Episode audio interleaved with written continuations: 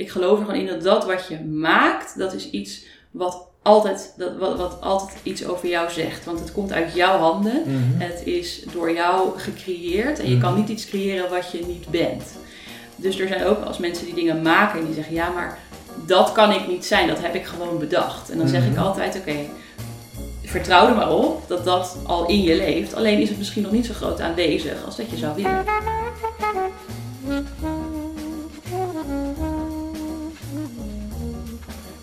U luistert naar de Therapeut Podcast, een wekelijkse podcast waarin ik, Peter Voortman, openhartige gesprekken voer met therapeuten over hun professie, patiënten en zichzelf. Luister mee naar bijzondere, schrijnende en grappige verhalen uit de behandelkamer. Vandaag ga ik in gesprek met Floor van Loon, kunstzinnig therapeut. Ze heeft een eigen praktijk waarin ze therapeutische begeleiding biedt voor kinderen en ouders. Een gesprek over beeldende therapie, wat we laten zien en wat het kan betekenen. Luister mee.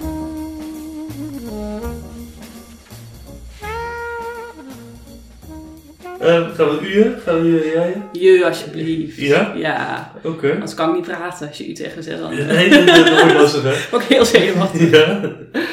Eh, nou, goedemorgen, Floor. Goedemorgen. Goedemorgen. Ehm, jij bent beeldend therapeut. Klopt. En dat valt onder de kunstzinnige therapie. Ja, klopt. Want kunstzinnige therapie is niet alleen beeldende therapie. Nee, hè? dus je hebt onder de kunstzinnige therapie eh spraakdrama. Mhm. En ehm nou ben ik het even kwijt, muziektherapie en beeldende therapie. Ja. Eigenlijk die drie. En er is er volgens mij nog eentje bijgekomen, danstherapie. Maar dat is echt wel een beetje na mijn eh, studietijd, dus dat weet ik niet precies. Maar Ja. En ben je alle drie opgeleid of kie- sorteer je voor? je sorteert voor, dus eh, Ja. op het moment dat je start, dan kies je een richting. En dat was bij mij heel helder, dat dat beeldend mocht zijn. Ja. En waarom? Ehm, dat ligt me heel erg. Ik ben zelf altijd creatief bezig. En eh, tijdens mijn stage, ik heb hiervoor SPW gestudeerd, voordat ik kunstzinnige therapie ging studeren. En toen was ik, werkte ik op een atelier met verstandelijk beperkte jongeren. En dat was echt ontzettend leuk om op die manier contact te maken. Dus dat, die beeldende kunst of die beeldende aspecten van eh zeefdrukken maken en lino eh en dat soort dingen. Daarmee leg, ik heel, dan leg je heel makkelijk een contact. En ik vind het zelf heel leuk om op die manier ook bezig te zijn. Dus mijn eigen passie en mijn eigen inspiratie zit daar al in. En eh, ja, toen kwam ik erachter, hij werkte een kunstzinnig therapeut in dat centrum waar ik toen stage liep. En die liet mij zien wat voor werk zij deed. En toen dacht ik, ja, dat, dat wil ik ook. Dus toen ben ik gaan eh, kijken waar dat kon. En dat kon in Leiden. Dus toen ben ik naar Leiden verhuisd. En toen ben ik uh, kunstzinnige therapie gaan studeren. Ja, en dat moest beeldend zijn. Ja. En ik ben Ja. ook niet muzikaal genoeg om een andere kant te kiezen. Ja, Dus dat scheelt. Moet je heel erg goed zijn met beelden om, eh, om dit te kunnen doen? Ik denk dat het heel handig is om creatief aangelegd te zijn. Ja. Eh, ik heb wel mijn klasgenoten heel erg zien groeien Hmm. in, in de loop der jaren. Dus ik denk dat er ook wel veel aan te leren is. Dus het is niet zo... Het moet je liggen, het moet je pakken, het moet je inspireren, denk ik. En eh, ja, ik kom van de vrije school, dus daar mocht ik daarmee in contact komen met speksteen, met klei, met handvaardigheid, dat soort dingen. Ontzettend leuk. Dus eh, ja, dat, dat, dat werd al een beetje gevoerd, zeg maar, Mhm. van jongs af aan. Ja, dus dat ligt me wel. Eh, eh, Wat voor, wat voor mensen zie je? In mijn praktijk. Ja. Ik ben gericht vooral op kinderen en hun ouders. Dat ben ik vanaf het begin in 2012 in mijn praktijk gestart. En toen was ik heel erg aan het zoeken, want ik vind echt alles leuk. En met beeldende therapie kan je ook echt alle doelgroepen, denk ik, eh, goed bedienen. Mits ze ja, twee handen hebben die, die willen.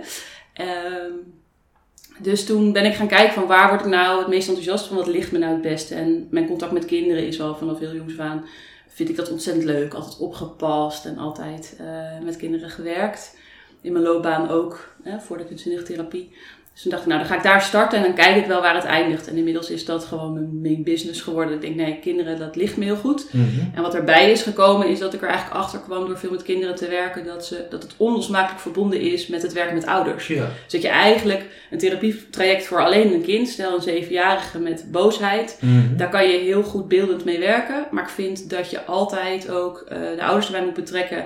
Om te kijken van hey, hoe kunnen zij nou het kind het allerbeste ondersteunen. Want na een aantal sessies ben ik weer uit beeld. En wie gaat dan de, hè, de bodem zijn voor dit kind Ja. om, eh, om gezien te worden. En ook omdat ik vaak merk dat, ehm, dat ik een soort vertaler ben van het beeld. Dus het kind Mhm. maakt het beeld. En daarmee kan ik met het kind werken om bijvoorbeeld zijn boosheid in kaart te brengen en ergens naartoe te werken. Maar ik vind het nog veel belangrijker dat ouders snappen wat er in dat beeld zichtbaar Ja. wordt. En waar die boosheid nou eigenlijk zijn oorsprong in vindt. Want ik kan wel heel oppervlak, of oppervlakkig niet, maar heel erg bezig zijn of gericht zijn op minder boosheid. Dat dat de hulpvraag is. Mhm. Hij is zoveel boos en dat zit hem in de weg. Maar ik vind het veel interessanter. Wat is nou de grondslag van die, boos, van die boosheid? Omdat we dan ook wezenlijk iets kunnen veranderen. Want anders gaat het op zijn 14e en zijn 21ste en weet ik wanneer. Komt dat gewoon weer terug. Want dan gaat hij dingen meemaken in zijn leven waar hij ook weer eh, weerstand in ervaart. Als, die, als de oorsprong van die boosheid niet Maar, gezien wordt. en hoe vaak, kijk, als kinderen boos zijn, dan kan ik me zo bedenken dat het vaak komt door de situatie met de ouders. Dus hoe, hoe vaak behandel je dan eigenlijk de ouders in plaats van... eh, En nou zeg je iets moois van de boosheid. eh, kan heel veel redenen hebben. ja. Dat kan al iets zijn wat aan de geboorte gerelateerd kan worden. Mhm. Of iets zijn wat het kind dwars zit, waarin het niet gezien wordt of niet gehoord wordt. Of dat er wellicht boosheid bij vader speelt. Of Mhm. eh, dat er iets in de klas steeds gebeurt waar die geen woorden voor heeft. Hè. We, met, werken met beeldende kunst is ook een manier om dat wat niet in woorden te vangen is, om dat wel uit te drukken. En ehm, dus, dus ik vind ouders vooral belangrijk, niet eens van waar het nou aan ligt dat hij heel boos is, Mhm. maar ik vind ouders belangrijk omdat zij het steunpunt voor het, voor het kind zijn. En zij moeten snappen wat hij nodig heeft of eh, waar de steun eh, in moet zitten. En je kan als ouder alles uit de kast trekken en denken van ja, meer weet ik gewoon niet. En dan vind ik het fijn dat je bij mij komt. Want dan kan ik gaan kijken, oké, en wat is er nog wat je nog niet Ja. doet, wat je nog wel kan doen. En dat kan heel opvoedkundig zijn, van joh, ben wat consequenter. Maar dat kan ook een boodschap zijn aan ouders, van joh, eh, jij eh, wil, je gunt je kind dat het zijn boosheid op een goede manier kan uiten. Hoe ga jij eigenlijk om met boosheid? En dan is er niet zozeer een antwoord te geven op van dan werk ik zo vaak met de ouders. Maar ik vind het vooral belangrijk om ouders er enorm bij te betrekken. En niet het kind centraal te stellen, maar het hele systeem. Om te zeggen van hé, hey, ehm, wat gebeurt er in de dynamiek en wat, wat kan ik als volwassene aan de andere volwassenen eh, laten zien wat het kind eigenlijk nodig heeft. Wat heb, je, heb je in je opleiding dan ook psychologie ge- gekregen? Of eh, is het... ehm, hoe, ja, hoe, hoe ga je het gesprek aan op basis Mhm. waarvan? Ja, mooi. Eh, in de kunstzinnige therapieopleiding eh, krijg je natuurlijk gewoon de basispsychologie. Eh, we krijgen ja, alle vakken die zeg maar, een goede therapeut moet krijgen. Mhm. Ehm, en daarnaast is ook gewoon een soort ontwikkeling in mij geweest de afgelopen tien jaar. Ja. Van hey, hoe bereik ik die ouders nou? Hoe spreek ik ze aan? En daar heb ik niet per se een opleiding voor gevolgd. Maar dat is denk ik iets wat van nature is gegroeid. Mhm. Ehm, en daar neem ik mijn eh, achtergrond vanuit mijn opleiding in mee. Ja. Ehm, maar ik denk dat het vooral een ontwikkeling is geweest van hey, wat werkt nou en wanneer, waar kan, hoe kan ik ze aanspreken en waarin kan ik ouders uitdagen naar zichzelf te kijken. En dan heb ik eigenlijk, eh, ben ik niet meer de kindertherapeut, maar ben ik ook even therapeut voor zo'n ouder. Ja. Eh, zonder daar heel diep op in te gaan of de hulpvraag is nog steeds gericht op het kind. Maar het kind heeft iets nodig en hoe kan die ouder dat bieden? En wat kan ik daarin betekenen door uit te vragen of... eh, Wat, hoe, hoe, ko- hoe komen ze binnen? Worden ze doorverwezen of nemen ze zelf contact op? Heel verschillend. Mhm. Ehm, ik krijg vooral veel doorverwezen door scholen. Mhm. Ik heb in het begin van, toen ik mijn praktijk startte, ben ik langs veel basisscholen geweest in Leiden en omgeving. En die hebben mij toen leren kennen en daar heb ik eh nou, verbinding mee, zeg maar. Er zijn ook heel veel mensen die, die mij zelfstandig vinden via internet. Mhm. Ik schrijf blogjes op Instagram. Die worden veel gevolgd en gedeeld, eh, waardoor mensen weer denken, hé, hey, misschien moeten we met deze vraag naar Floor. Ja. Ehm, ik heb ja, de meeste mond-tot-mond reclame natuurlijk. Dat als je een goede ervaring hebt gehad, dan vraag ik altijd, joh, wat fijn dat je zo tevreden was. Vertel het door aan mensen Ja. waarvan je denkt dat het, die dat ook kunnen gebruiken. Ja. En komen ze dan met een specifieke hulpvraag? Heel verschillende hulpvragen. Ehm, en dat vraag ik al uit in het eh, intakeformulier, zeg maar, wat ik online heb staan. Mhm. Om gewoon even van tevoren een beetje te weten, hé, wat speelt er nou en wat, wat willen ze. En in de intake zelf ga ik zo'n hulpvraag echt goed uitvragen. Eh, om te kijken wat werkelijk de vraag is. Hè. Soms uit het kind zich dan eh, op een bepaalde manier. Maar dan wil ik weten van aan, aan ouders, willen we dat dat ophoudt of willen we snappen waar het vandaan komt? Ja, ja.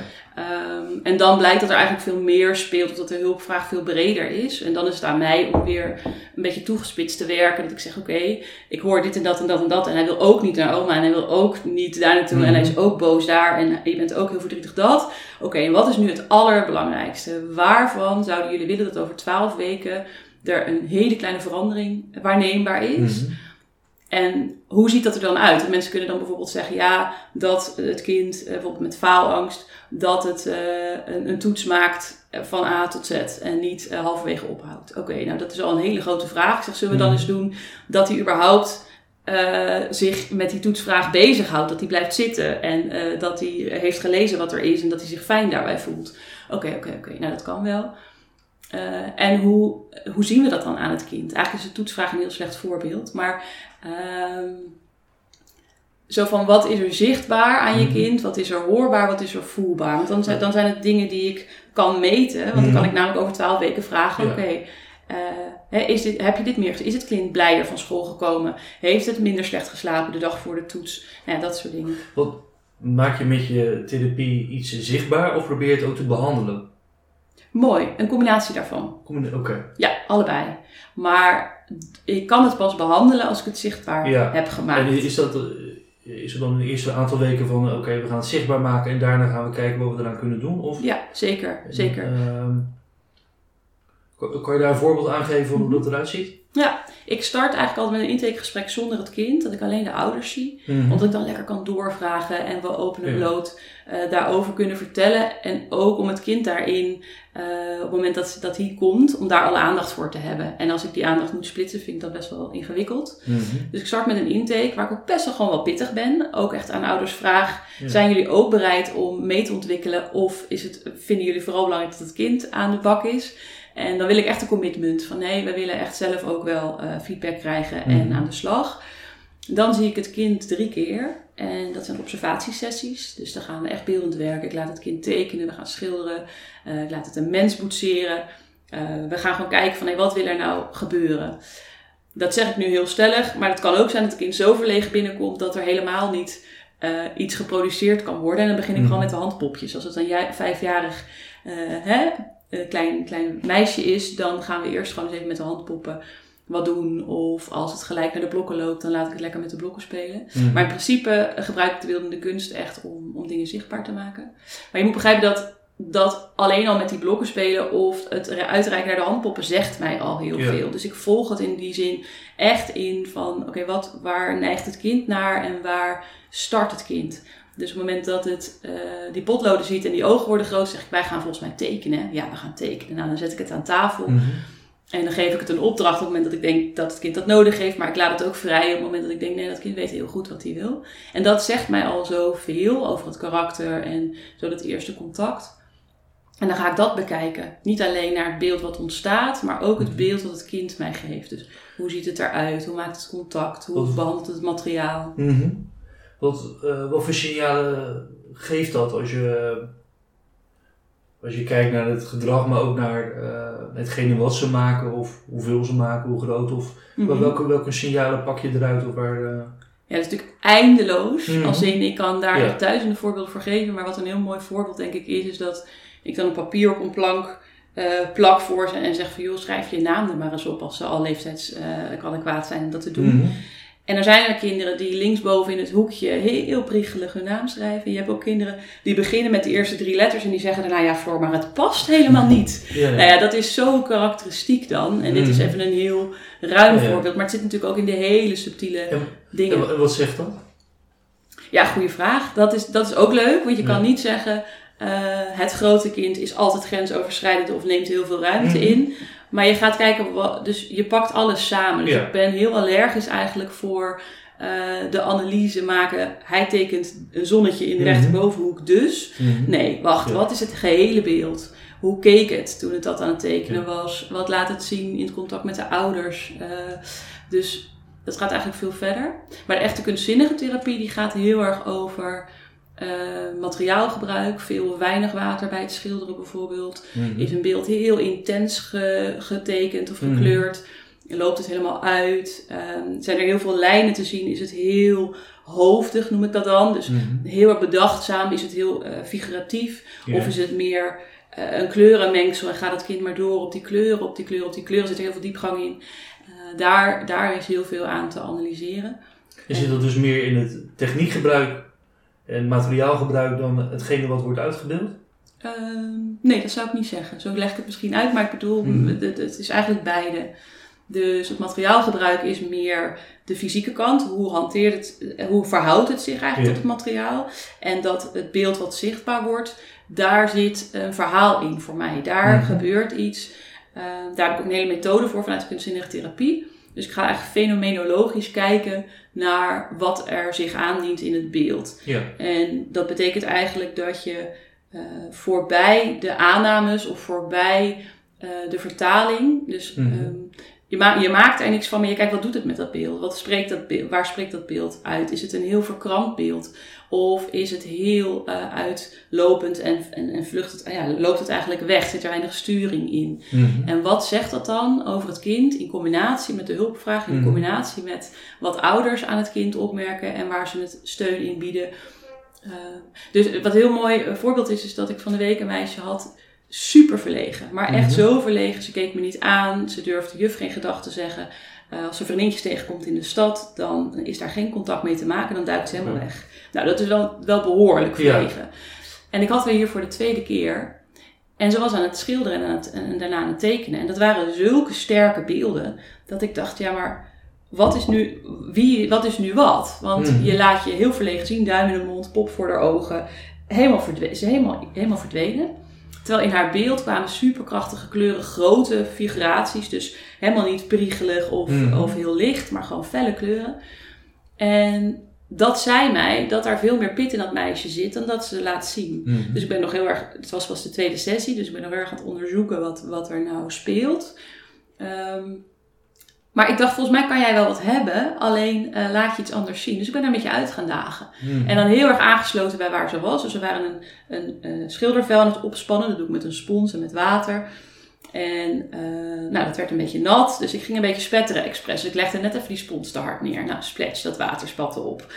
Op haar hand. Dus ik, en toen keek ze me even aan. Dat was de eerste keer dat ze me aankeek. Ik dacht, hé, hier is contact. En toen dacht ik, nou, dat kan dus nog wel een keer. Als op het moment dat ik zie dat een kind helemaal in zichzelf kruipt, dan ga je dat niet doen. Mhm. Maar hier bleef het een soort van, ze bleef aanwezig. Dus nou, iedere keer een beetje meer. Nou, en daar gebeurde het. Wij kregen een soort watergevecht. Mhm. En ehm, daarin kwam haar pit een beetje naar voren. En het was allemaal heel minimaal nog, maar het, het werd wel steeds eh, contactvoller. En toen dacht ik, oké, maar dan komt er dus ruimte voor mij om het werk in te gaan zetten wat ik doe. Dus de, de, de uitnodiging geven om dat te ontwikkelen wat er Mhm. eigenlijk nog niet zo zichtbaar werd. Ehm, en dat zag je ook in het beeld wat daarna verscheen. Dat was veel eh, uitgesprokener, zeg maar veel bewegelijker. Dus niet heel, eh, ja, het wordt heel vaag. Ik probeer het, dus ehm, de, de beelden die ze eerst gaf waren vooral groots en heel helder. Mhm. Maar er was weinig verbinding mee. En ik legde eerst verbinding met haar via het water en het spetteren en het spelen. Mhm. Toen kwam er bij haar ook weer een soort speelsheid in. En die speelsheid wil ik eigenlijk inzetten om straks in de buitenwereld ook wat meer bewegelijk te zijn in het contact. Dus oh ja, ik zie een vriendinnetje. Wat leuk dat ik haar zie. In plaats van oh help, hoe moet ik reageren? En dan, kruip ik in mijn schulpje. En, dat zag je ook in het beeld. Dus het beeld werd daardoor ook eh, bewegelijker. Dus de kleuren gingen mengen bijvoorbeeld. In plaats van Mhm. dat ze heel netjes naast elkaar stonden. En dat is iets wat ik dan straks ook aan ouders kan laten zien. Kijk, dit is hoe we starten. Super Mhm. verlegen en vast in de kleuren, maar wel super krachtig en fel. Dus ik ben benieuwd wat daarachter zit. Vervolgens ga ik haar uitdagen en uitnodigen. Middels, nou ja, dat water. En, en soms is dat iets heel anders. Hè. Gaan we met klei gooien of ehm, is het een potloodgevecht. Het maakt niet zoveel uit, maar in ieder geval dat contact leggen. En doordat ze mijn aanwezigheid voelde en daar vertrouwen in kreeg en durfde te spelen, kwam er meer speelsheid en meer vrijheid. Nou, op het moment dat ik ouders dat kan laten zien en ook kan gaan kijken hoe kunnen jullie Mhm. in de thuissituatie dat gaan creëren, of waar herkennen jullie dit in de, in de thuissituatie, dan kunnen we dat palet eigenlijk gaan uitbreiden. En dit is eigenlijk nog een voorstadium, dus dit gaat meer over ehm, het uitnodigen tot in beweging komen. Maar op het moment die, dat die veiligheid er is, kan ik ook echt therapeutisch gaan werken met alleen de beelden. Dus dan worden het beelden van een muisje die in een holletje zit en daar langzaam uitkomt om de wereld te gaan verkennen. Dus dan wordt het eigenlijk een soort metafoor voor haar beweging naar buiten toe. Want je, je Ja. laat haar dat metafoor maken? Of, eh, heel verschillend. Eh. In dit geval zou ik inderdaad haar dat aanreiken en zeggen en met klei gaan werken. Mhm. En daar een, een muisje of een egeltje of iets wat zij verzint, wat een diertje in een holletje is. Mhm. Maar er zijn ook kinderen die zelf al met het metafoor komen. Dus ik had laatst een jongen, die maakte een hele grote boze koning. Nou, dat is voor mij dan zo'n duidelijk beeld. Dan Mhm. gaan we dat dus eventjes heel lekker uitvergroten. Want op het moment dat hij die boze koning mag zijn en dat daar alle ruimte voor is en daar een verhaal aan vastkomt, gaan we bijvoorbeeld stappen van een verhaal tekenen. En die koning maakt van alles mee. En die koning gun ik dan op een gegeven moment ook een helper. Dus dan is dat een beetje, een- dus, dus hij geeft het mij Wat beeld. een boze koning? Ja, dat is, in zijn geval eh, Mhm. zegt dat dat er iets heel erg in hem dwars zit. Maar het kan in ieder ander verhaal Boze Ja. Koning weer iets heel anders betekenen. Maar wat ik probeer te doen, is ehm, eigenlijk de symboliek ervan te zien. Mhm. En daar dus heel veel ruimte voor te geven. Want in het dagelijks leven is er gewoon weinig ruimte voor heel veel boosheid. Want dat is gewoon heel onhandig als je midden in de Ja. klas ontploft. Of als je van je vader geen frietjes mag, dat je dan eh, uren op je kamer zit met de deur op slot. Daarvan hoe eh, kan ik die boosheid eigenlijk helemaal de ruimte geven, Mhm. maar wel liefdevol begrenzen, waardoor, ehm, waardoor het kind eigenlijk zich gezien voelt. En hoe kan ik ouders ook uitleggen waar mijn inziens die boosheid vandaan komt? En dat is gewoon een proces op zich en dat vertaalt zich ook vaak in wat die koning dan meemaakt. En die, beelden, ehm, zijn er bepaalde archetypes of hoe, hoe leg jij de, eh, de link met het beeld en wat het ja, zou moeten afspelen? Heb je dat geleerd of zit dat gewoon in jou of is dat, dat probeer je, ja. Ja, mooie vraag. Ik denk dat het een combinatie is. Mhm. Dus ehm, vaak kan je er gewoon niet omheen. Is het gewoon Ja. eh, zo helder dat ik denk van, nou goed, ja. En het is ook een nieuwsgierigheid van mij. Dat ik denk, Mhm. oké, maar eh, laat ik, er geen, laat ik er geen vast iets aanplakken. Maar Mhm. laat ik gewoon deze koning er zijn. En heeft die koning ook een naam, vraag ik dan. Dus ik werk heel veel met open vragen. Mhm. Ehm, om het kind eigenlijk zijn eigen invulling te laten geven. Ik heb ook wel eens een kind dat gewoon vijf sessies achter elkaar hetzelfde beeld geeft, maar er dan iets anders bij Ja. vertelt. Dan denk ik, oh, daar speelt dus nog veel meer. Dus het is eigenlijk een onderzoek samen met het Mhm. kind. En dat geeft vaak al heel veel lucht, dat het er mag zijn. Of zullen we dan die grote koning eens ook veel groter gaan maken? Want hij past iedere keer maar net op het vel. Dan geef ik die jongen gewoon een groter vel. En dan Mhm. eh, gaan we hem samen eh, inkleuren bijvoorbeeld. Dus op die manier eh, om het uit te vergroten. Maken de ouders ook wel eens beelden? Of is, is, ze worden er meer of worden ze erbij betrokken in het proces of zijn zij zelf ook iets aan het maken? In principe werk ik met ouders niet beeldend als ze echt voor hun kind komen. Mhm. Dus dan is het vooral dat ik met ze ga kijken naar de beelden die kinderen maken. Ja. Om ze meer, te, meer inzicht te geven in, eigenlijk Mhm. in wat er in die innerlijke wereld speelt. Dus waar de kinderen eigenlijk weinig woorden voor hebben. En als het over wat oudere kinderen gaat, ik heb ook veel pubers. Ehm, dan vraag ik altijd aan de pubers, hey, wat gaan we delen en waar. Hè? We, zijn, we hebben hele mooie onderzoekjes gedaan. Mhm. Hoe gaan we dat dan communiceren? Mhm. Eh, met de hele kleine kinderen is het ja, nog zo non-verbaal, zeg Ja. maar, dat ik de vertaling maak. Ehm, maar vooral om te kijken ehm, wat het kind daarin nodig heeft en hoe ouders dat aan kunnen bieden. En voor mij wel, dan vertel ik ook van hoe ik het in gang ga zetten of wat ik tegen ben Mhm. gekomen. Ik heb een kind wat iedere keer zegt, ja, het wordt lelijk en ik stop ermee. En dat Ja. heeft hij op school ook, maar dat doet hij ook met de afwas. Als zijn Mhm. moeder even maar een blik Ja. werpt, dan zie je wel, je vindt het niet goed genoeg. Nou, ehm, om dat hier dan ook daadwerkelijk te gaan oefenen. Dus eh, dat ik hem ook oefeningetjes geef waarin, ik, waarin die afhaakt. En dat ik ga kijken van hé, hey, en waar, ehm, waar kan ik weer die verbinding vinden? Of waar kan ik voor hem vertalen wat er Mhm. gebeurt? In plaats van dat ik zeg nee, je doet het hartstikke goed. Ga maar door. Dan, dan, dan erken ik hem eigenlijk helemaal niet in daar waar hij is. Mhm. Dus eh, dat doe ik dan niet. Maar dan zeg ik bijvoorbeeld, jeetje man, ik zie dat het echt even heel lastig voor je is. Dat is naar. Hè, wat naar. En dan zitten we gewoon even samen in het is naar. En vaak pakt hij dan gewoon zijn potlood op en gaat hij weer verder. Of zegt hij, Floor, wil je me helpen? En op het moment dat ik dat ook aan ouders uit kan leggen van... hé, hey, wacht even, als je, dat, als je die brug eigenlijk kan maken tussen het lukt niet... en hoe kan ik weer in beweging komen om het nog een keer te proberen... Mhm. Ehm, dat is heel rijk. En eh, dat is ook wat er op papier gebeurt. Hè? Als kinderen een succeservaring opdoen op papier, dan geeft ze dat de imprint mee van: oh ja, maar als ik dan straks op school even niet weet hoe ik het moet doen, dan eh, weet ik, dan is er al meer vertrouwen in dat ik het wel opgelost krijg. Dus dan gebeurt daar eigenlijk hetzelfde.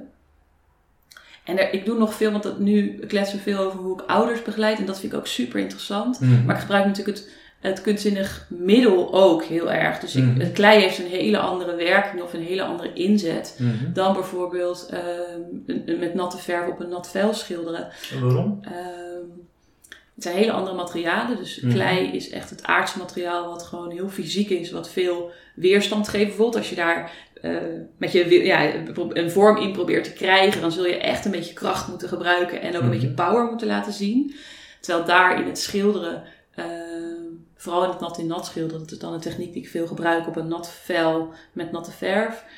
Dat is veel vloeiender en daar kan je hele mooie kleurenovergangen maken. En dat vraagt veel meer verbinding eigenlijk ehm, van, het, van, van je gevoel. Je moet gewoon heel goed kijken van hé, wat gebeurt er met die kleuren en hoe meng ik dat of eh, hoe breng ik dat op het papier. Ehm, en bijvoorbeeld bij tekenen heb je letterlijk dat potlood wat nog zo tussen jou en het papier zit. En dan kan je v- veel meer afstand in bewaren. Ehm, dus, dus ik kijk ook van wat laat het kind nou zien, waar vindt het zijn gemak? Wat, wat is nou fijn voor een kind om te doen? En hoe kan ik het krijgen, hoe kan ik het uitnodigen om dat te doen wat misschien wat minder comfortabel is? Om, dat, om het kind een beetje in balans te brengen. Mhm. Dus als het altijd heel graag heel grof werkt. Dus grote hoeve- hoeveelheden klei of heel veel water bij de verf, waardoor het allemaal lekker mengt en doet. En eh, dan wil ik ook wat meer die subtiele kwaliteiten eigenlijk in het kind ontwikkelen. Waardoor eh, het meer in balans komt. Dus meer één wordt, zeg maar. Meer ehm, ja, van allebei de werelden. Ehm, en daar kan je gewoon materiaal heel goed voor inzetten. En als je kijkt naar kleuren, wat, wat, wat, wat kunnen kleuren je vertellen? Wat ik leuk vind aan kleuren is dat het iets is wat je op papier brengt. Dus je maakt al een Mhm. keuze. En eh, eigenlijk geeft die kleur je ook wat terug. Dus je kan kinderen die altijd voor rood kiezen en Mhm. oranje en Mhm. hele warme, vurige kleuren.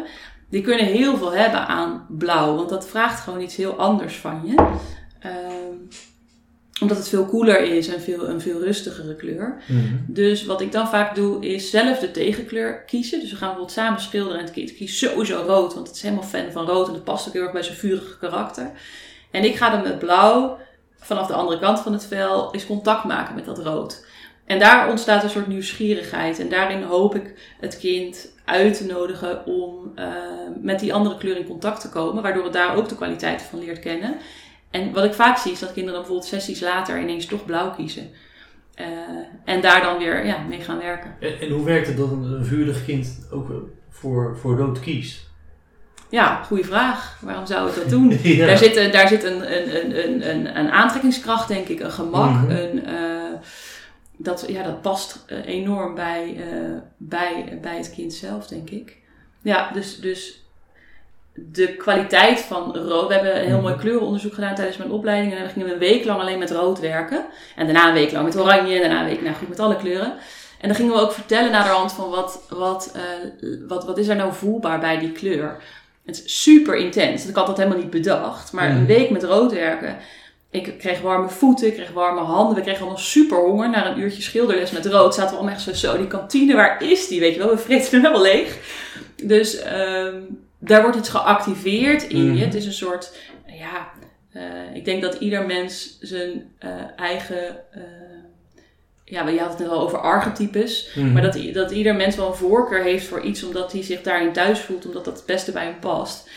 En op het moment dat jij heel lekker bewegelijk bent en grootse beweging maakt en vurig bent, en, eh, dan, dan reik je ook uit naar die kleur die heel erg bij je past, denk ik. Eh, Terwijl eigenlijk het tegenovergestelde wat handiger zou zijn.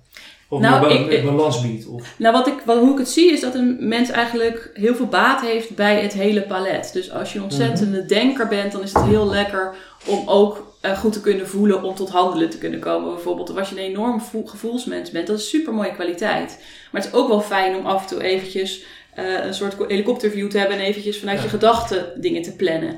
eh, om weer tot handelen te komen. Of als je ontzettend zo'n rood type bent die onwijs vurig is en gemakkelijk handelt. Oh ja, soms moet je bij een stoplicht ook niet gewoon maar gaan, maar eventjes kijken eerst en Mhm. nadenken en dan actie, tot actie komen. Dus wat ik eh, sowieso ook in de, in de observerende fase, kijk ik gewoon heel erg waar zit het kind? Eh, heeft het vooral veel aandacht in het hoofd en is het een denker? Ehm, is het iemand die heel graag controle houdt? oké, dan, dan past het heel vaak bij de hulpvraag om iets meer in de ontspanning te komen of in het beweging te komen. En dat is dan wat ik aan ga bieden. En dat kan dan heel mooi met materiaal, met kleur. Je ziet ook wel eens dat het gewoon compleet tegenstrijdig is. Dat eigenlijk iemand super rustig is, maar wel altijd rood kiest. En, Zeker. En wat zegt het dan? Zeker. Dan is aan mij de, de uitdaging om te onderzoeken wat maakt dat het kind. Dus je hebt altijd hè, al die facetten. Dus je hebt uh, hoe is het kind in het, familie, in het Mhm. familiesysteem. Wat laat het zien op school? Wat laat het zien in het contact? Hoe handelt het met het materiaal? Wat laat het voor beelden zien? En waar, ik moet gewoon nieuwsgierig blijven. Ik moet heel, heel objectief blijven kijken eigenlijk. Mhm. Ehm, dus als er zo'n hele grote contradictie zit in het, in het hoe het zich presenteert en wat het laat zien in het beeld, dan is aan mij de vraag: oké, maar wat, gaat er, wat ligt er aan ten grondslag? Wat maakt dat het kind zich zo uit en eh, dit en dat beeld, het innerlijk beeld laat zien? En waar zit dan, hoe kan ik die brug maken? Dus hoe kan dat meer in balans komen? Mhm. Ehm, bijvoorbeeld dat kind wat zo verlegen was en dan dus zoveel pit laat zien. Oké, wat maakt nou dat ze zich zo moet gedragen en ehm, dat ze eigenlijk dus de kracht ook inhoudt. En dat is een zoektocht voor mij. En waar stopt het voor jou waar je mag, mag invullen en ehm, of, geef je een advies mee? Of, want Wat bedoel je? Nou, wanneer, wanneer merk je van oké, dit tot hier eh, reikt mijn, eh, eh, mijn vak. Mhm. Ehm, ook al heb je daar misschien wel andere ideeën over van nou, ja, wanneer geef je, stop je, geef je aan, ja. Ja, precies. Ik denk dat ik hem begrijp. Eh, bijvoorbeeld als ik merk dat, ehm, dat, we, dat ik echt ga naar eh, de psychotische kant. Eh, Als Ja. mensen echt bijna tegen psychotische aanzitten. Of op het moment dat er eigenlijk gewoon jeugdhulp nodig is in het gezin. Dat er gewoon Mhm. dingen spelen Ja. die echt boven mijn macht gaan. Of ehm, dat kinderbescherming er- eh, erbij moet komen. Dan verwijs ik door. Ehm, ik geef ook wel eens advies aan ouders om zelf in therapie te gaan. En dan het liefst eh, niet bij mij. Ehm, behalve als ik dat heel erg vind passen. Maar eh, hè, om, om elders eh, iets te gaan doen. We zijn op dit moment ook echt een, een netwerk aan het, aan het opzetten. Gewoon een, ka- in kaart aanbrengen waar alle hulpverleners zitten. Om te kijken hey, wie kan nou wat doen. Mhm. Ook omdat ik heel graag bij mijn eigen vakgebied wil blijven. En soms Ja. is dat gewoon niet voldoende. Mhm. Maar wat ik heel veel tegenkom, is dat vooral jongeren moeilijk tot eh, spreken komen. Dus die komen wel bij de psycholoog terecht, want die hebben echt wel problemen die, die eh, nou ja, iedere hulpverlener een beetje erboven gaan. Maar die komen niet tot spreken. En dan denk ik, dan is het zo mooi om het beeldende in te zetten. Dus dan ben ik een Mhm. voortraject. Voor Ja. bijvoorbeeld daarna een traject bij de eh GGZ Rivierduinen of bij een grotere instelling. Die gewoon ook met meer mensen naar, naar zo'n kind kunnen Mhm. kijken. En een psychiater erbij en eventueel medicatie. Ehm, en ik heb hem ook wel eens andersom. Dat het een soort natraject wordt. Van joh Floor, ik heb heel veel gepraat met de psycholoog en ik heb heel veel inzichten gekregen. Maar het heeft nog geen vorm of ik weet nog niet zo goed hoe ik het nou in de wereld moet zetten. En dan ga ik dat met ze in beeld brengen. Ja. En ehm, je zou iemand kunnen ehm, komen zo op basis, ehm, even kijken, hoe moet ik dat vragen? Je zou op basis van zeg maar stoornis kunnen komen, of je bipolair bent of, eh, of iets dergelijks. Je zou op een, op een hulpvraag kunnen komen van, nou, ik weet niet waar ik nu sta in mijn leven, dus biografisch eh, gezien. Je zou naar aanleiding van bijvoorbeeld rouw, iets wat je overkomt. Dus eh, zit daar verschil in hoe je met iemand werkt? Of Ja, ik denk, dus ik, ik snap je vraag. En ik, hoe ik het liefst wil werken, en daarom ben ik ook Mhm. mijn eigen praktijk gestart en wil ik ook eigenlijk helemaal buiten de protocollen blijven. mhm. is dat ik zeg, ik heb een mens voor mij. Of het nou een meisje van vier is of een volwassen vent van, Mm. eh, nou weet ik hoe oud. Er zit een mens voor mij en die heeft een vraag. En ik probeer in de intake zo goed mogelijk uit te vragen wat die vraag is. En ik Mhm. vertel daarna wat ik kan bieden. En dat moet ik gewoon heel dicht bij mezelf houden. Dus oké, dit en dan dat stukje.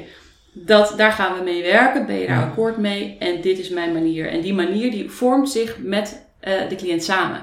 Dus als het een meisje van vijf is, dan zal het veel spelenderwijs zijn. En Mhm. veel eh, meer in contact met de ouders. Dan die volwassen vent Ja. die eh, met een, een hele praktische hulpvraag komt bijvoorbeeld. Dus in die zin is het zo op maat. Dat vind ik wel een rot woord, want dat, Mhm. dat is zo'n verkoopding. Maar het is, het is voor mij super belangrijk om in ieder traject precies te kunnen doen wat ik denk dat het beste is. En eigenlijk niet eens wat ik denk, Mhm. maar wat de mens laat zien Ja. wat er nodig Dus is. het ontstaat eigenlijk in, in, in de therapie zelf. Zeker. Ja. Maar als je dan toch een beetje richting zou willen, stel nou bijvoorbeeld bij rouw, wat, wat heb je dan, dat je denkt van nou, dat, dit is dan een goede aanpak of dat je, ehm, zijn er nog wel dingen waar je extra op let of Mhm. sorteer je dan voor of is dat, gebruik je de Ja, andere er- materialen of, Ja, precies. Het ligt natuurlijk ook weer heel erg aan eh, of dat een meisje van vijf is of, die, eh, hè, of, Ja. of een jong van veertien. ja. Ehm, dus eigenlijk wil ik daarop zeggen eh, eh, eh, eh, nee en tegelijkertijd natuurlijk wel. Ja. Hè, dus, dus je gaat kijken naar, naar het materiaal, naar de draagkracht, naar de, hoe het fysiek in elkaar zit. Mhm. Wat kan het hebben? Wat laat het zelf merken?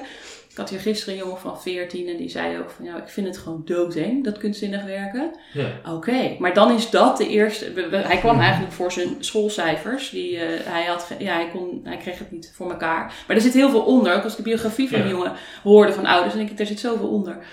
Dus dan, dan is dat wat ik doe. Dan is dat wat er op dat moment op Mhm. tafel ligt. Oh man, je vindt het hartstikke spannend. Wat tof dat je hier bent. En dan is Mhm. dat het onderwerp. En dan, is, dan ga ik kijken wat voor materiaal gaat sowieso met deze jongen lukken. Mhm. En toen heb ik dus niet eens gekozen voor materiaal, maar ik heb allemaal kaarten op tafel gelegd met afbeeldingen. Om daar maar eens naar te kijken, gebruik je wel weer het beeld, Mhm. gebruik je wel weer eh, iets externs. Want ik denk dat dat beeldende eh, therapie, dat een gewoon van de grootste krachten is. Dat het niet over jou hoeft te gaan, maar dat je Mhm. een beeld kan maken of een beeld kan aanwijzen of een beeld kan kiezen.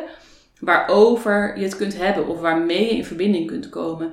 Dus dat het contact maken buiten jezelf met iets externs, dat het veiliger is. Of in ieder geval eh, meer ruimte geeft tot, eh, ja, tot, tot contact met, het, met, met je innerlijk eigenlijk. Dus op het moment dat ik een vraag stel, Mhm.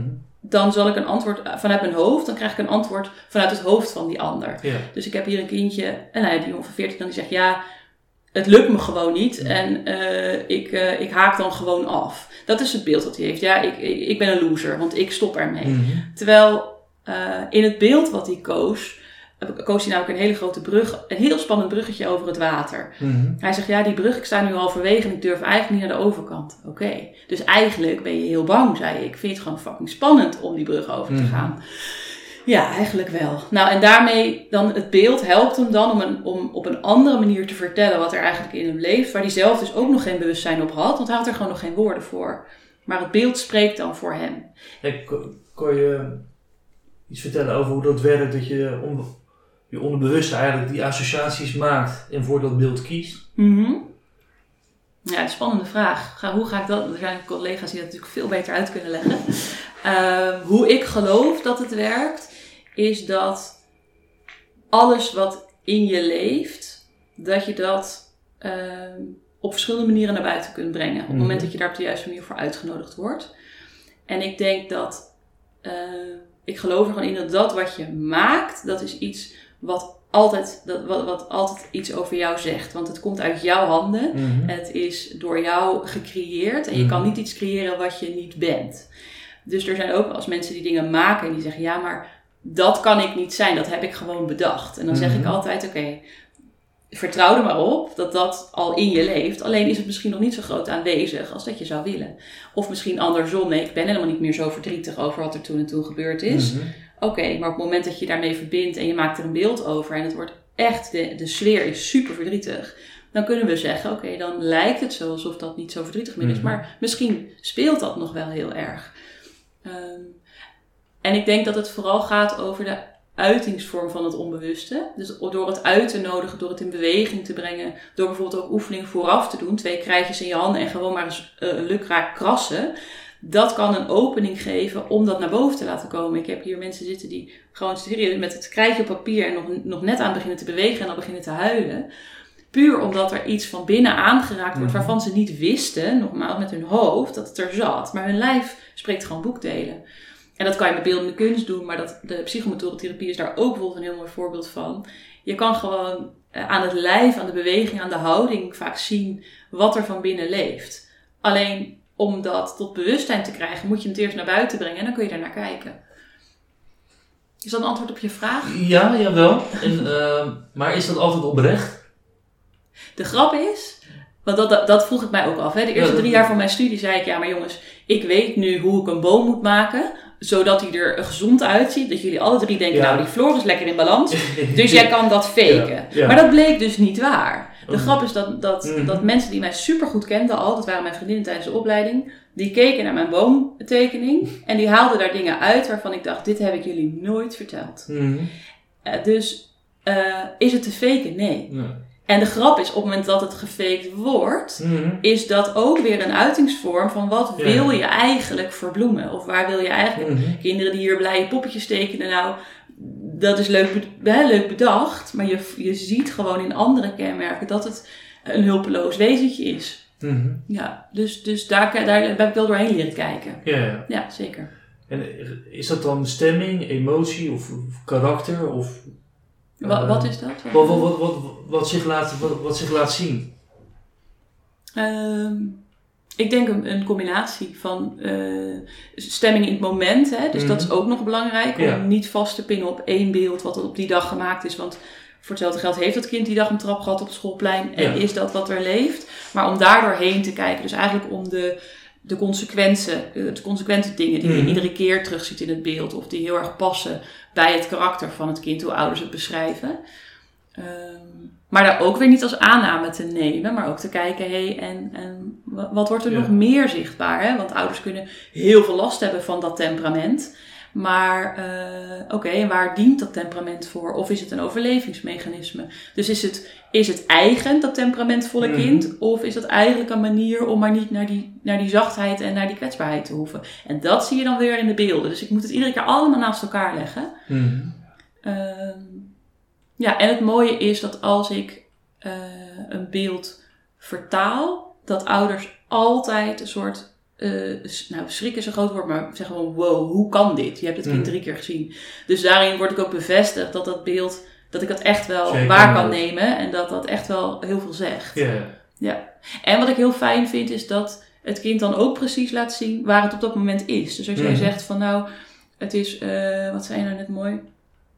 Eh, de stemming is zus of zo, maar eigenlijk eh, laat het iets anders zien. Dan kan ik doorgaan op dat wat het laat zien. Mhm. Ehm, want dat is waar dat kind op zich op dat moment bevindt. Dus ik ga dan ook niet met een heel eh, expressief, baldadig groot kind... ga ik niet helemaal lekker rustig zen-meditaties doen. Nee, ik moet dan echt aanpassen, aanpassen bij Mhm. dat waar het kind is. Dus dan gaan we eerst met klei gooien. Gebruiken we ook in één keer 10 kilo.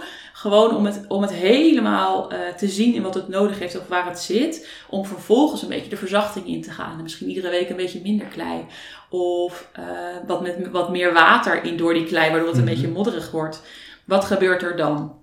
Ja, dus het is steeds eigenlijk aansluiten en een beetje meebewegen naar dat wat het wat minder eh, heeft. Maar ook heel letterlijk, een kind met een zwaar trauma kan, kan niet eh, precies de casus benoemen, maar zij kwam niet meer tot spelen naar Mhm. aanleiding van wat ze had meegemaakt. Dat wist ik ook, ik kende het verhaal. Ik heb Mhm. ouders ook gezegd, ik vind het een behoorlijk trauma, ik ga kijken wat ik kan doen.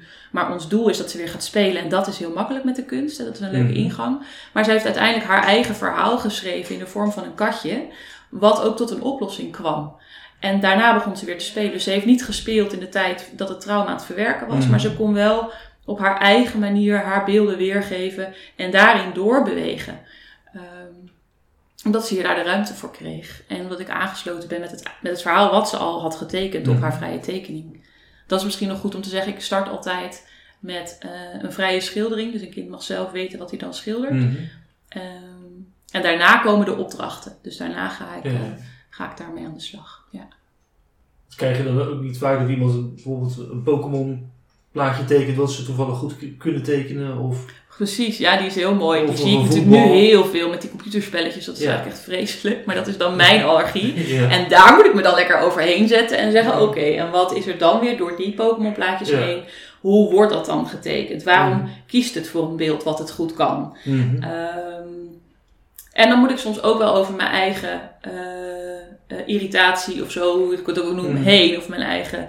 eh, ja, ik vind het veel leuker om met, met, met, met kabouters en, en, en koningen te werken. maar als dat Pokémon poppetje nou daadwerkelijk een karaktertje is wat naar boven komt, dan Mhm. ga ik dat in beweging brengen. Maar laten we dat dan eens maken in eh, klei. Of laten we dat dan eens... eh, eh, dan is het bijvoorbeeld een heel getekend poppetje met een hele lege achtergrond en niet ingekleurd.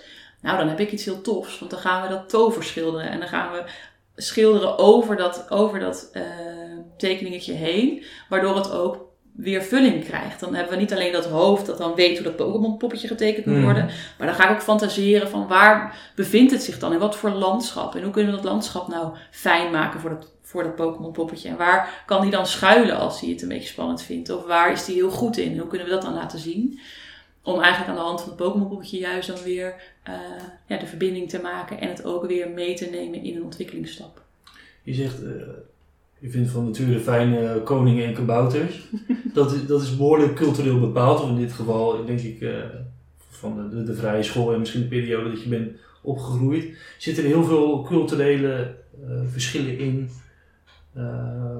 Zeg maar archetypes of bepaalde beelden, dingen die we gebruiken? Of zie je daar wel echt een... ehm, alge, ja, Stel dat je een kind een Syrisch kind hier krijgt. Nou, wat dus mij heel erg opvalt. Ik, Mhm. eh, echt, echt Syrische kinderen heb ik niet gehad. Maar Mhm. wel eh, kinderen die geadopteerd waren uit het, Ja. uit- op hele jonge leeftijd. Eh, maar wat ik ook heb gelezen in de literatuur laatst, Ja. vond ik echt super interessant. Dat kinderen die in leme hutjes zonder dakjes eh, opgroeien, Mhm. dat die alsnog een kindertekening maken met een dak, er, zo, met een rood dak, zoals wij dat ook hè, in typische kindertekeningen kennen. Dat die dat ook tekenen. Dus ik denk dat die beelden he- van heel diep komen. Ja, Ja, dus dat dat heel, heel veelzeggend is. Nou had ik wel laatst een jongen die een flat tekende, die woont ook in een flat en dat vertelde hij dan ook. Dus het is Mm. altijd wel goed om te Mm. vragen waar zo'n beeld vandaan komt. Of je kan, dat noemde ik al een beetje, dat ik een beetje eh, lastig vind om dan één op één te zeggen, nou een uil in een boom is altijd dit of dat. Mhm. Dus die is heel gevaarlijk, vind ik. Eh, want het kan zo zijn dat dat kind dat weekend met zijn vader in het bos is geweest. En dat die vader kijkt, er is een uilenhol of weet ik Mhm. veel wat. Maar anderzijds eh, kan je hem wel weer meenemen in van wat is dan de vertaling daarvan. En hoe, neem ik dat, hoe, hoe vertaal ik dat naar andere beelden die Mhm. hij ook laat zien. Dus ik ga continu uit eigenlijk van het grotere geheel en niet van de losse observaties. er zijn er wel losse eh, signalen waar, we- waar je heel erg eh, alert op bent, je... Ja. ja. Ja, wat ik heel fijn vind, wat we in de opleiding ook hebben meegenomen, is van eh, waar wordt iets getekend? Hè? Wordt het Mm. heel centraal geplaatst, dan is dat het meest belangrijke. Oké. Eh, dus als je bijvoorbeeld een huisboom-menstekening laat maken, dat is dan Mhm. echt zo'n typisch kunstzinnig eh therapie dingetje. Mhm. Eh, dat zijn een beetje de karakteristieke beelden waarin veel aan te zien is. En op het moment dat dat huis bijvoorbeeld super groot in het midden staat en er is fijn licht en er is een deur waardoor je naar binnen kan en de schoorsteen rookt, dan zie je van oh, daar gebeurt van alles. Dat is Mhm. heel, heel bereikbaar. En dat gaat dan Mhm. niet over letterlijk het huis waar het kind in woont. eh, maar dat is meer het huis van, van in je lichaam zijn en eh, daar toegang tot eh, vinden. En als ze zichzelf tekenen, is dat natuurlijk ook heel interessant. Van, Mhm. eh, hoe tekenen ze zichzelf? Eh, ik heb kind, laatst kind met een heel harnas aan. Die ging letterlijk, ja, want ik ben een ridder, dit en dat. Maar dat paste zo typisch bij dat kind Mhm. die enorm stoer doet, maar eigenlijk heel gevoelig is. Mhm. Nou ja, en dan, dan zegt dat eh, zeker heel veel. Eh, een boom is natuurlijk ook een hele interessante. Dat we gaan kijken naar hoe is de kruin, dat staat een beetje symbool voor Mhm. het, het denken. Zit, eh, gebeurt daar heel veel, is er heel veel aandacht aan besteed. Hoe is de stam, hoe is die geworteld, die boom? Staat die ergens halverwege, zweeft hij op het papier of is die al helemaal geland? Is die al helemaal Mhm. aangekomen, zeg maar. Eh, ja, dat soort dingen neem ik ook eh, zeker mee. En is het dan is de, is het zo dat, ehm, dat kinderen die worden doorverwezen. eh, Je, of je werkt niet alleen maar samen met vrije scholen, het zijn allemaal Nee, heel, heel, juist alleen maar Ja. reguliere scholen. De Ja. vrijscholen hier in Leiden hebben ze intern Ja, therapeuten. Ja, dus dat, Ja. dat, dat, dat sorteert zich al. Nee, maar ik krijg natuurlijk heel veel verschillende hè. Op het moment dat Mhm. mensen gaan googlen en, en mijn website tegenkomen. En zoiets hebben van, ik gun het kind om op een andere manier aan de slag te gaan dan eh hoeven praten. Mhm. Of mensen willen geen labels, dus die willen niet psychologisch onderzoek laten doen. Want dan zou er wel eens ADHD uit kunnen komen. Of Mhm. eh, hè, een gedragsstoornis. En ik wil eigenlijk voorbij die labels kijken, ook als je het hebt over, eh, over trauma.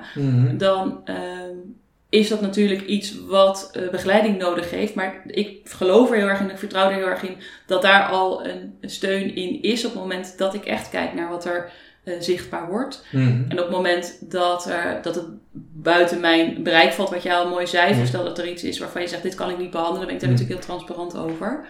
En dan heb ik ook wel, eh, dat probeer ik ook nou ja, goed door te verwijzen, of daar in ieder geval ook steun in te bieden. Dus dat ik ook, ik heb wat mensen die ik ken, die, waarvan ik vertrouwen heb dat ze goed hun werk doen. Mhm. hele goede systemische werken. Bijvoorbeeld in Utrecht wel, dat is dan wat verder weg. Waarvan ik zeg, nou als je daar nou heen kan gaan, dan kunnen dingen weer meer op zijn plek eh, gezet worden. En dan kan zij haar expertise leven. Maar voor mij is het vaak om een, een eerste stap te zijn. Dus juist om van, nou we willen eigenlijk niet in therapie, maar als het Mhm. dan toch moet, want we komen er zelf niet uit Mhm. dan willen we graag eh, naar Floor. En eh, ja, dan, dan gebruik ik het spel en de kunst om, eh, om daar verbinding mee te leggen. Ja. En voor mij, eh, voor mijn smaak, voor mijn mening, zit, zit er nog te weinig, eh, zijn er te weinig plekken waar we de beeldende kunst Mhm. inzetten. Zowel creatieve therapie als kunstzinnige therapie. Ik denk, als we op iedere school in plaats van een eh, bijlesjuf een, een therapeut zouden neerzetten, dat dat heel veel zou kunnen bieden. Ja, Dat Dus, zie je eh, voor je. Dat het ja, maar ik heb ook een missie gaan. om dat groter hè, te Ja. maken. Daarom ook op mijn Instagram-account, eh hè, praktijk Hm. floor.nl. Ik gooi hem er maar even in. Ja. Om die verhalen te delen. Van wat Ja. kan je nou bereiken met kunst? En, en eh, mensen denken vaak dat het alleen voor kinderen is. Maar voor volwassenen werkt het Mhm. ook fantastisch. Maar het is zo'n ehm, comfortabele manier, zou ik bijna Mhm. zeggen, voor kinderen, en voor jongeren en volwassenen, om uit te drukken wat er voor binnen leeft en daarmee aan de slag te gaan. Dus om op die manier met hun eh, problematiek, eh, met hun hulpvraag om te gaan. Want ik denk, joh, waarom zouden we dat niet vaker doen? Want hoe bereik je, wat, wat, wat me lastig lijkt, is dat ehm, mensen die kinderen, ouders met kinderen die hier naartoe komen, Mhm. dat die daar al enigszins voor openstaan. Want anders doe je dat niet zo snel. Ehm, en hoe bereik je dan ja, de, de kinderen die, waarvan de ouders daar eigenlijk niet voor openstaan, maar Mhm. waar het misschien wel eh, een groot effect zou hebben? Of, eh, dat, Ja, nou ja dat, dat gebeurt onder andere door scholen. Mhm. Dat, dat, eh, dat er genoemd wordt van jongens. Maar werk je dan ook op scholen? Dat niet. Maar dat, Nee. dat scholen intern begeleiders bijvoorbeeld, eh, Ja. die komen, die, dan worden de juffen erbij geroepen. Nou, het gaat niet zo lekker met Pietje. Hoe kunnen we Pietje helpen? En dat de intern begeleider zegt, nou, het zou misschien wel een idee zijn om naar Floor te gaan. En dat zij mij dan introduceren. Mhm. Ehm, Wat wordt het vergoed voor kinderen?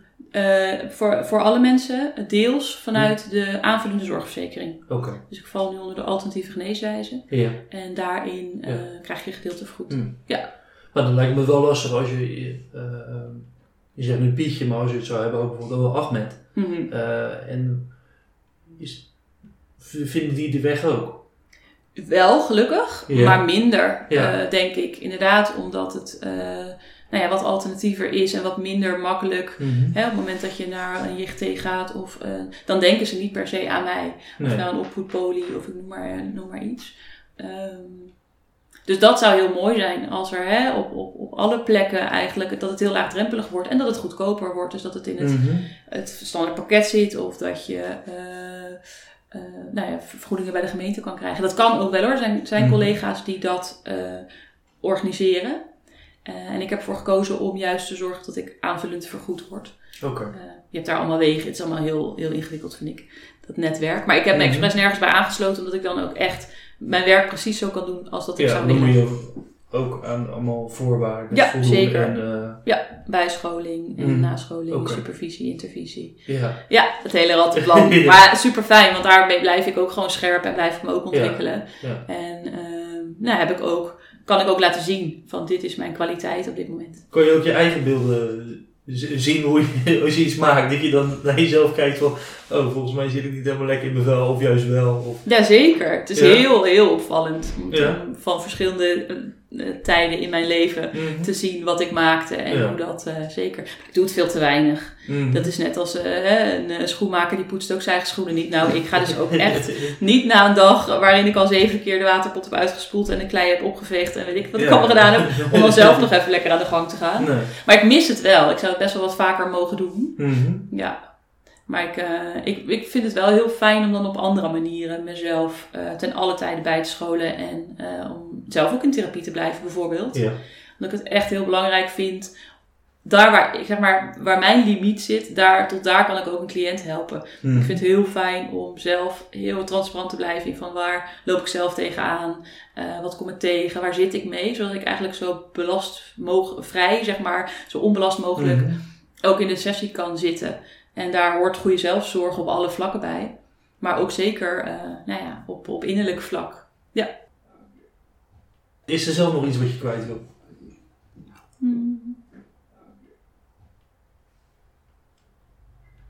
Ja, misschien de, de magie Mhm. ehm, van het beeldend werkelijke. Eigenlijk iedere dag opnieuw. Ik doe dit nu negen jaar eh, vanuit mijn eigen praktijk. En de, iedere dag ben ik wel een moment verrast over eh, de kracht van het beeldend werken, maar eigenlijk ook de kracht van de mens. Dus Mhm. van, van de. eh, het, wordt het wordt ergens door aangeraakt, het- de mens, door in beweging te zijn, door iets te maken of iets te creëren. En alleen al die creatiekracht, wat dat al voor eh, effect kan hebben.